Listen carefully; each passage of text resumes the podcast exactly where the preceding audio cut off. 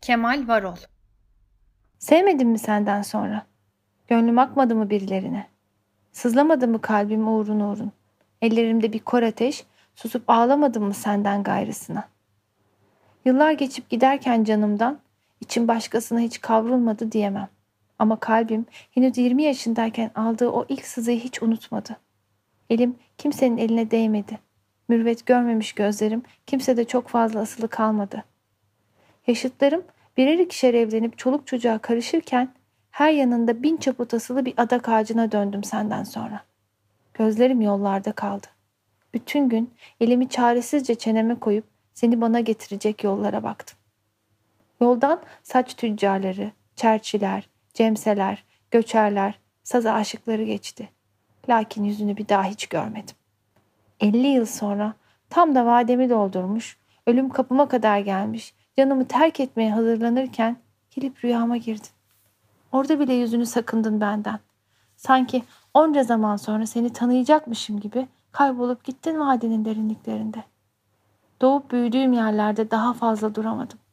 Kırşehir dar geldi bana. Dibinde soluklandığım kavak ağaçları üzerime geldi. Kovuklarında saklanıp ağladığım dağlar, kınalarını ellerime sürdüğüm kayalıklar, başımı döndüren uçurumlar üzerime geldi. Kapkara bir elbise giyip bir gece yarısı yollara düştüm. Sadece ölülerin sökükleri yok üzerimde. Senden geriye kalan yılların söküğünü de taşıyorum ben. 50 yıl boyunca gelmediğin her bahar için bir sökük açtım elbisemde. İlkini de evimden, ana baba kucağından kaçtığım o gece açtım gövdemde. Bu yüzden hep rüzgar aldı kalbim. Ağzımdan çıkan her sözcüğü rüzgar aldı. Parmağım elbisemdeki sökükte yollara düştüm. Yıllar geçtikçe kara elbisem böyle sökükler içinde.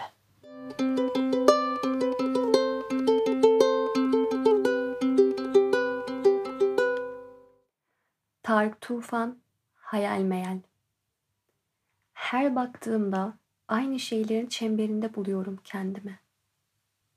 Geçmiş zaman gitgide daha da daralan bir çembere dönüşüyor benim için. Bu yüzden yürürken dönüp arkasına bakmayanlardanım ben de. Yaşlı kadının bir daha üzerine olmayacak parlak kırmızı kumaştan yapılmış elbisesi gibi bakıyorum güzel günlere. Gözümün önünde ve fakat artık uzak. Özlemek biraz da böyle bir şey.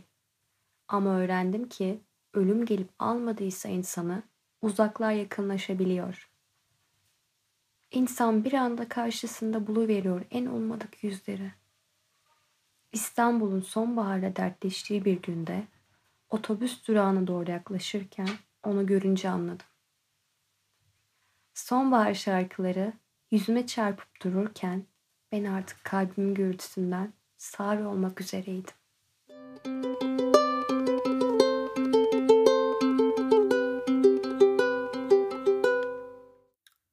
Ece Temel Kur'an, bütün kadınların kafası karışıktır. Çok eskiden, ellerim annemin ellerine benzemezden önce her şey çok güzel olacak derdim. Sonra bir gün ellerimin değiştiğini fark ettim. Artık bütün filmler belirsizlikle bitiyordu. Hayat daha yorucuydu yani. Yaşamak eskimektir dediğim ilk gün beklenmedik bir şey olmayacağını da fark etmiştim. Belki biraz daha iyi, belki biraz daha kötü. Ama hiçbir zaman beklenmedik değil. İnsan bekler çünkü. Tetiktedir. Beklemediğini söyleyenlerse en çok bekleyenlerdir. Ben mi? Ben gündüz uykularından ben burada değilim aslında diye uyanan biriyim. Bunları oku. Denize karşı bir sigara yak. Tek şekerli, demli bir çay koy masaya. Çok neşeli bir müzik çalsın mutlaka. Kapat gözlerini. Gülümse. Çünkü bütün kadınların kafası karışıktır. Çünkü bir gün bir anda bazı kızgınlıklarını unuttuğunu farkına varacaksın. Artık pek düşünmediğini. Çünkü artık bildiğini anlayıp ellerini bir klarnet taksimi gibi uzatacaksın. Hala kafan karışık olacak. Ama artık bunu seveceksin. Sevmelisin de. Çünkü kadınsın.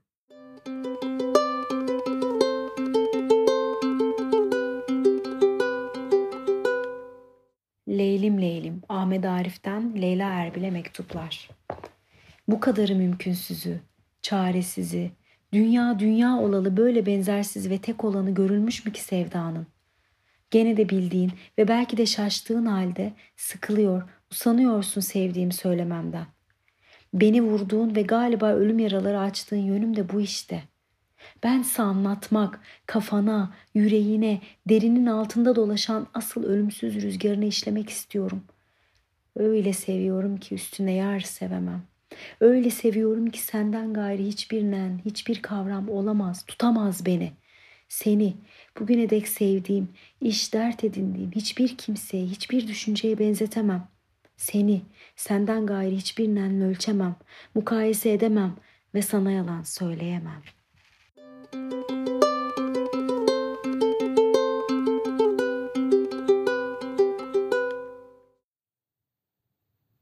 Clarice Estes Kurtlarla koşan kadınlar Kurt kadının tek işi kemik toplamaktır.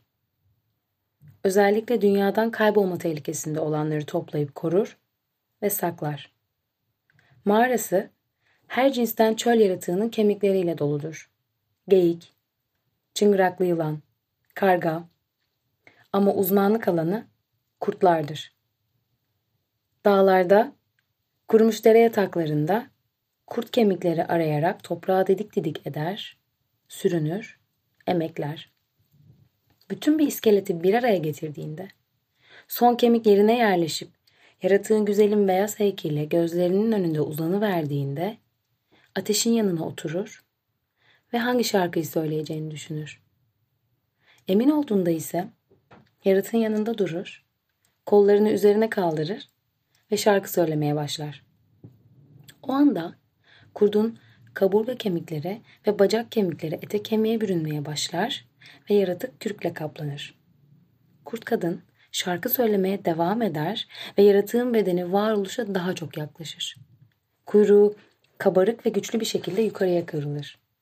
Ve kurt kadın daha çok şarkı söyler ve kurt yaratık soluk alıp vermeye başlar. Ve kurt kadın şarkısını öylesine derinden söyler ki çölün zemini sallanır ve o şarkı söyledikçe kurt gözlerini açar, ayağı fırlar ve kanyona doğru koşarak gözden kaybolur.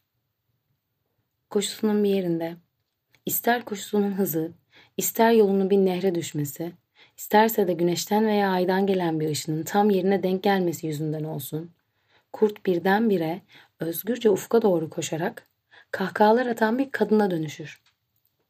Öyleyse unutmayın. Çölde dolaşıyorsanız ve gün batımında yakınsa ve hani biraz da kaybolmuşsanız ve yorgunsanız şansınız yaver gidiyor demektir. Çünkü kurt kadın sizden hoşlanabilir ve size bir şey gösterebilir. Ruha dair bir şey.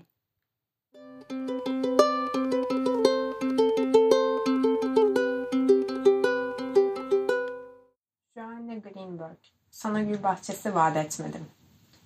Adalet uygulanmıyorsa, namussuzluk örtbas ediliyorsa ve inançlarını koruyan insanlar acı çekiyorsa, sizin gerçekliğiniz ne işe yarıyor peki? Helen Davis konusunda verdiği sözü tuttu, ben de. Peki sizin gerçekliğiniz ne işe yarıyor? Bak, dinle beni, dedi Fury. Sana hiçbir zaman gül bahçesi vaat etmedim ben. Hiçbir zaman kusursuz bir adalet vaat etmedim ve hiçbir zaman huzur ya da mutluluk da vaat etmedim. Sana ancak bütün bunlarla savaşma özgürlüğüne kavuşmanda yardımcı olabilirim. Sana sunduğum tek gerçeklik savaşım ve sağlıklı olmak gücünün yettiği kadarıyla bu savaşımı kabul edip etmemekte özgür olmak demektir. Ben yalan şeyler vaat etmedim hiç. Kusursuz, güllük bir lisanlık bir dünya masalı koca bir yalandır.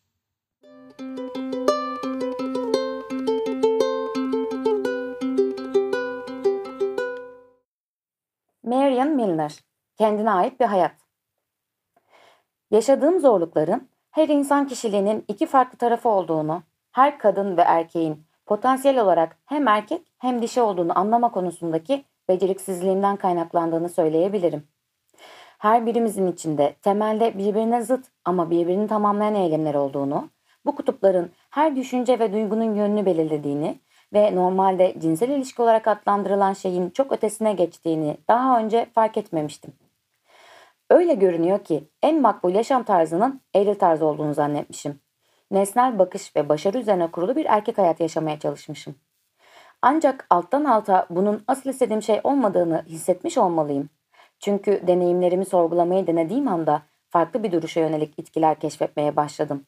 Ve bunun sonucunda ruhsal dişiliğin ne anlama geldiğini bir nebze anlayabildim. Dolayısıyla çalışmalarımın neticelerinden biri de cinselliğin fizyolojik bir meseleden ibaret olmadığının keşfiydi. Ama bunu daha iyi anladıkça işin fiziksel yönü daha fazla önem kazandı. Bilimsel yazılarda işime yarayacak çok az şey bulmuş olmama şaşmamak lazım. Çünkü bu çift cinsiyetlilik teorisinin ışığında fizyoloji ötesinde dişil bir duruşun nasıl gelişeceğinin entelektüel açıdan hiç anlaşılmamış olduğunu gördüm. Gelişmiş dişil duruş doğal olarak mistisizmde ifade bulduğundan analitik zihin tarafından ona kuşkuyla bakıldığını ve zihin açıklığı gerektiren tarafsızlığın düşman olarak görüldüğünü düşünüyorum. Nesnel akıl yürütmenin karşısındaki en zor iş elbette kendi zıttını anlamaktır.